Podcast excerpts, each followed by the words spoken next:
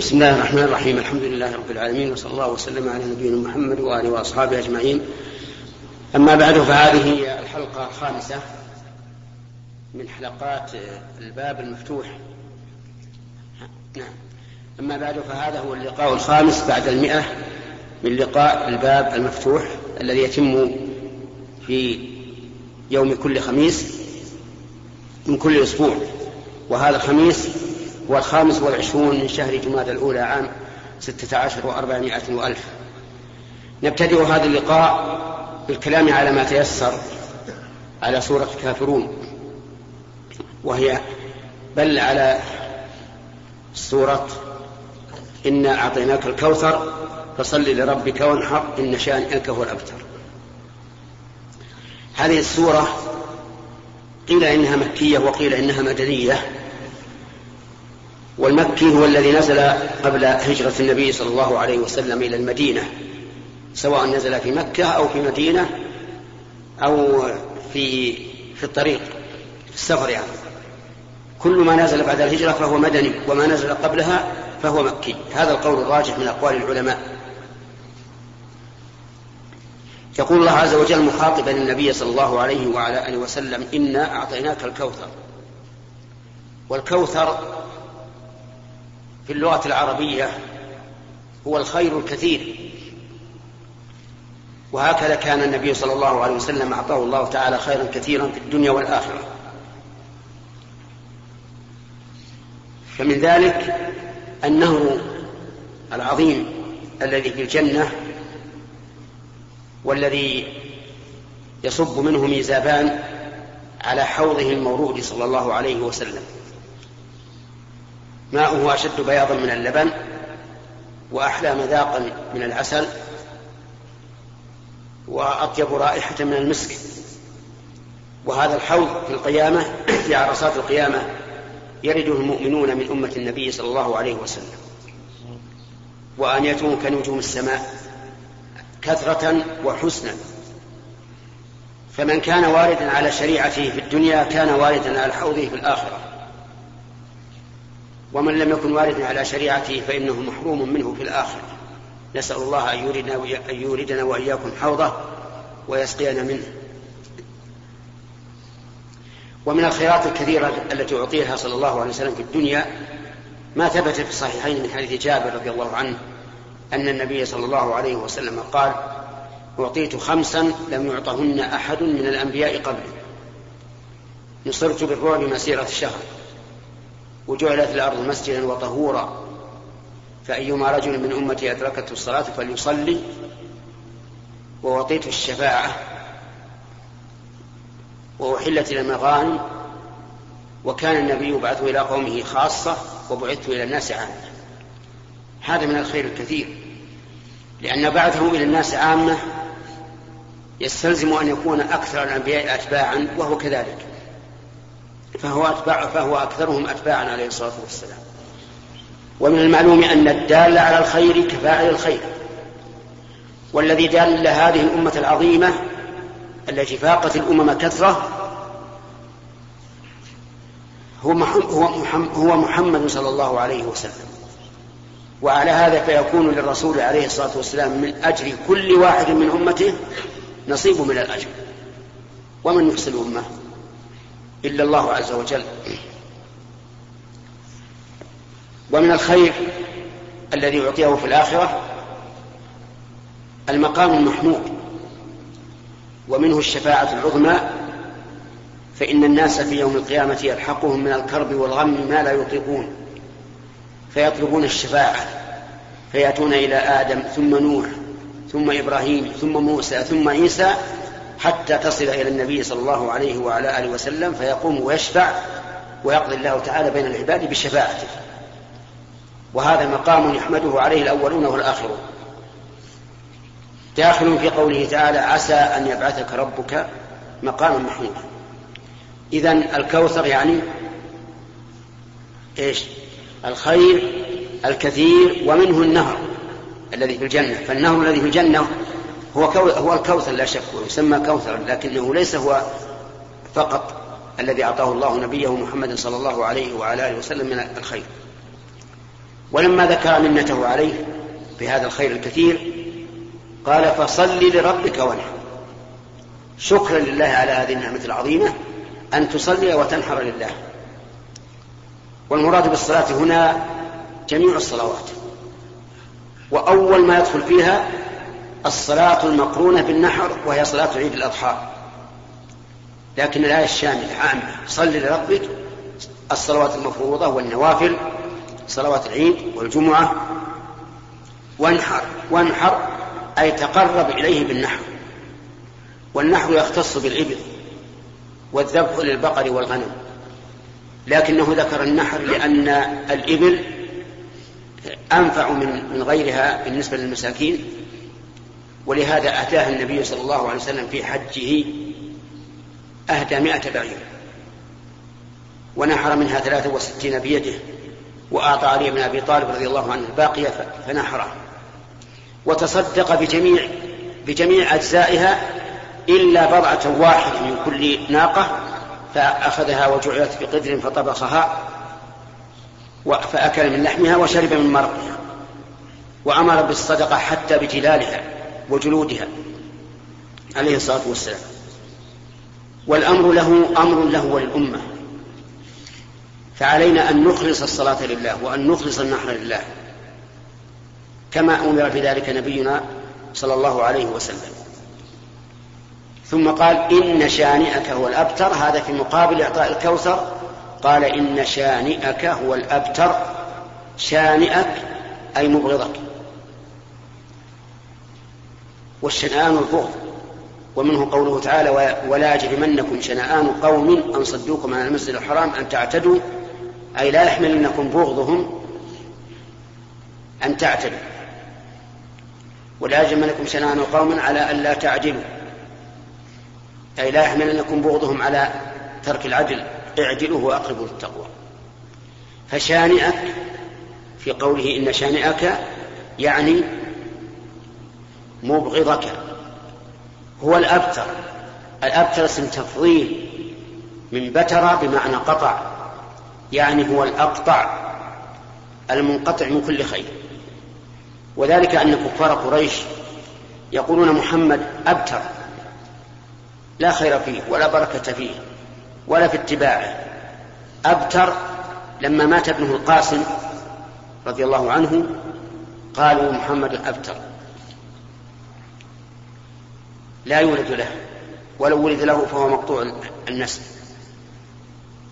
فبين الله عز وجل أن الأبتر هو مبغض الرسول عليه الصلاة والسلام. فهو الأبتر المقطوع عن كل خير الذي ليس فيه بركة وحياته ندامة عليه. وإذا كان هذا في مبغضه فهو أيضا في مبغض شرعه. فمن أبغض شريعة الرسول عليه الصلاة والسلام أو أبغض شعيرة من شعائر الإسلام. أو أبغض أي طاعة مما يتعبد به الناس في دين الإسلام فإنه كافر. كافر خارج عن الدين لقول الله تعالى ذلك بأنهم كرهوا ما أنزل الله فأحبط أعمالهم ولا حبط للعمل إلا بالكفر. فمن كره فرض الصلوات فهو كافر ولو صلى. ومن كره فرض الزكاة فهو كافر ولو صلى. لكن من استثقلها مع عدم الكراهة فهذا فيه خصلة من خصلة النفاق لكنه لا يكفر. وفرق بين من استثقل من استثقل الشيء ومن كره الشيء. إذا هذه الآية تضمنت بيان نعمة الله على رسوله صلى الله عليه وعلى آله وسلم بإعطائه الخير الكثير ثم الأمر بالإخلاص.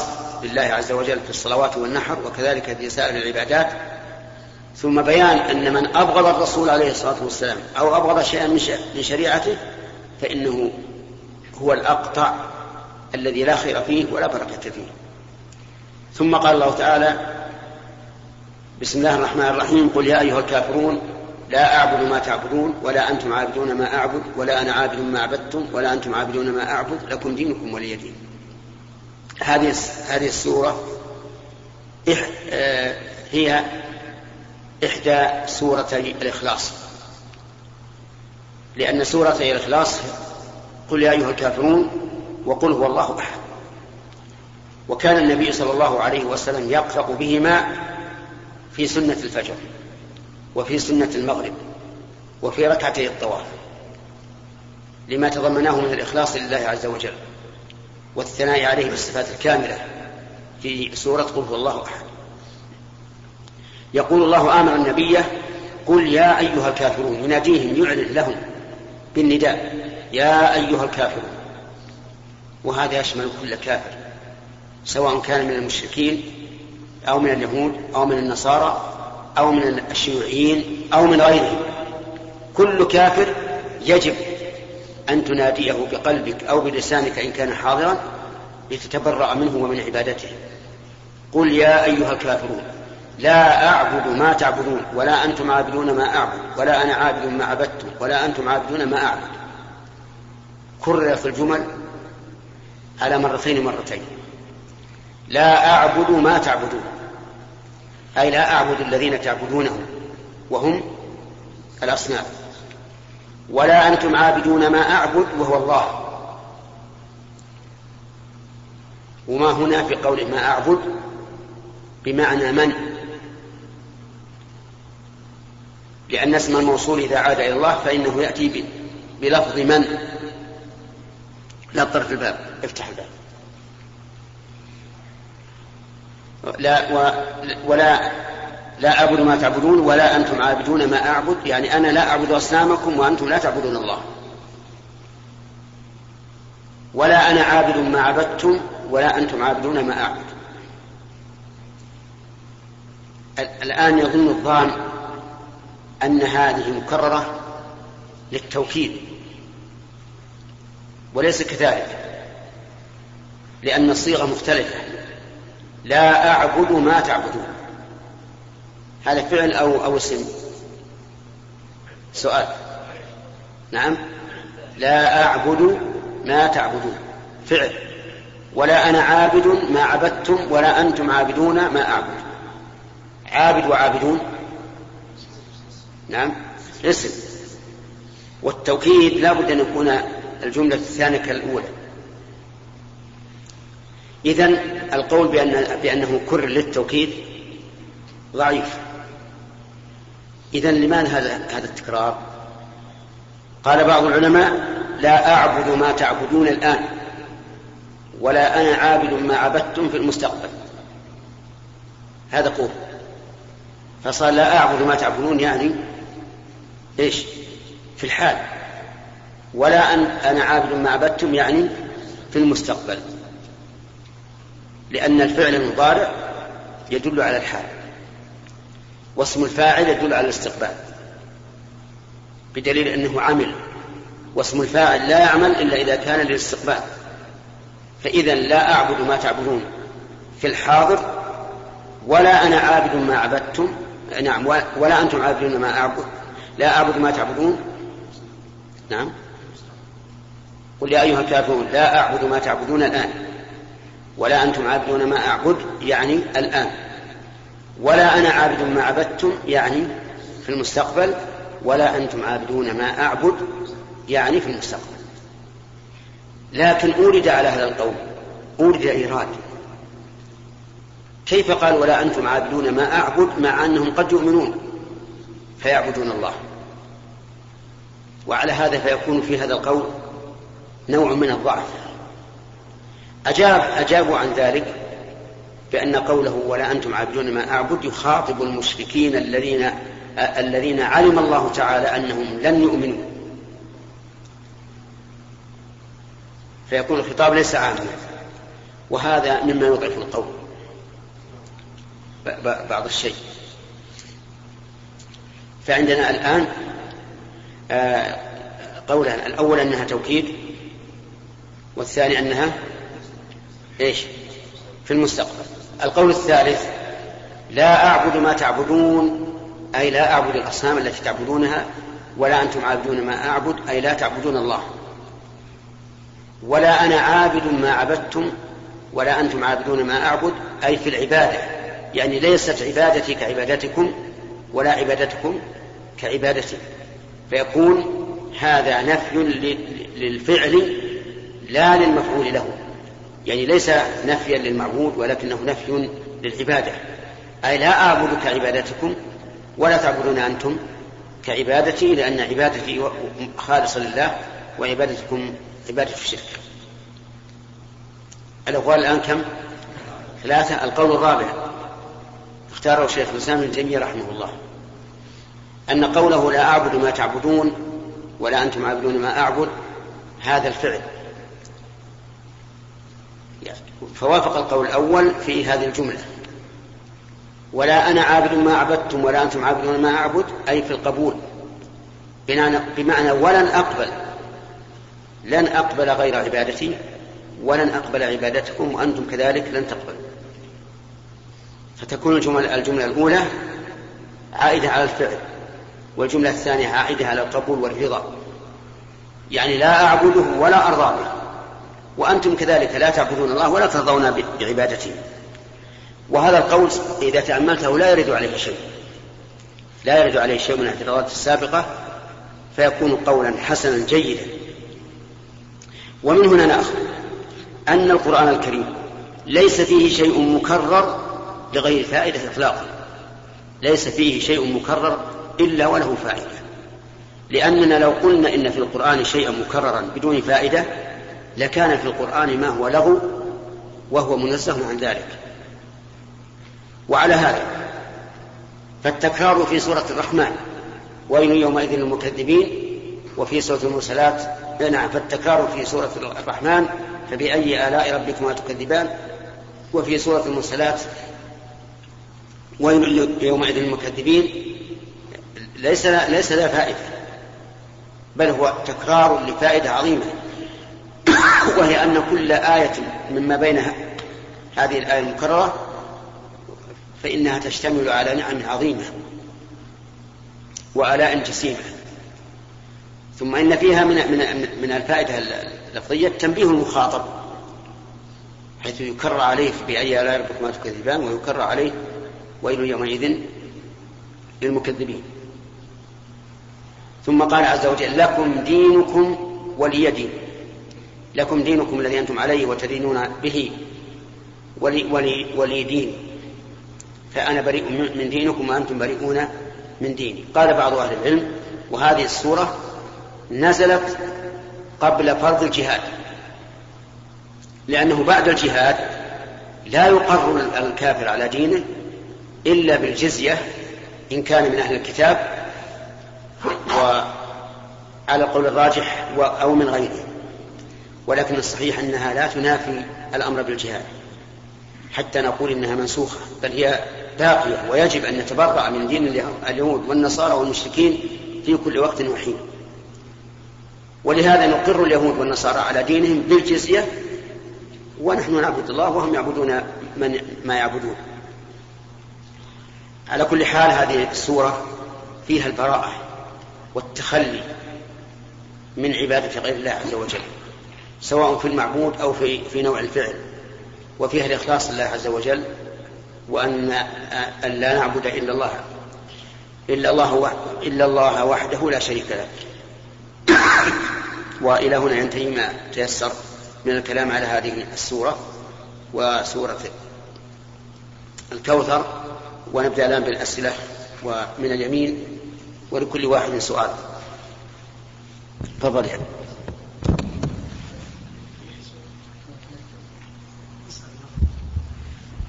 بسم الله الرحمن الرحيم. الحمد لله رب العالمين والصلاة والسلام على أشرف الأنبياء والمرسلين نبينا محمد وعلى آله وصحبه أجمعين.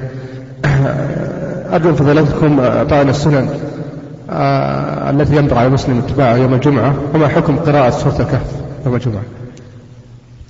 قراءة سورة الكهف سنة لأن فيها أجرا عظيما ثبت عن النبي صلى الله عليه وعلى آله وسلم. وأما ما يفعل في يوم الجمعة فهو أولا الاغتسال. والاغتسال للجمعة واجب. إذا تركه الإنسان بدون عذر كان آثما. لأن النبي صلى الله عليه وعلى آله وسلم قال غسل الجمعة واجب على كل محتل أي على كل بالغ. وقال صلى الله عليه وعلى آله وسلم إذا أتى أحدكم الجمعة فليغتسل. ولما دخل عثمان بن عفان رضي الله عنه وأمير المؤمنين عمر يخطب لامه على تأخره. لامه فقال يا أمير المؤمنين والله ما زدت على أن توضأت ثم أتيت. فقال له والوضوء أيضا؟ يعني وتقتصر على الوضوء أيضا. وقد قال النبي صلى الله عليه وعلى آله وسلم إذا أتى أحدكم الجمعة فليغتسل. فأنت ترى أن أمير المؤمنين عمر رضي الله عنه عاتب عثمان بن عفان رضي الله عنه مع مقامه في الإسلام. وكما نعلم جميعا أنه الخليفة الثالث في هذه الأمة ومع ذلك عاتبه حين اقتصر على الوضوء. ولكنه واجب تصح الصلاة بدونه لأنه ليس واجبا عن حدث كغسل الجنابة لكنه واجب يأثم الإنسان بتركه إلا لعذر كما لو كان هناك برد شديد وليس عنده ما يسخن به الماء أو كان مريضا يتضرر بالغسل أو ما أشبه ذلك. ومن هذا ومن ذلك أيضا السواك. وهذا السواك ليس السواك العادي بل هو سواك خاص تنظف به الأسنان أكثر ويدركها أكثر ومنها الطيب أن يتطيب الإنسان في رأسه ولحيته وثوبه.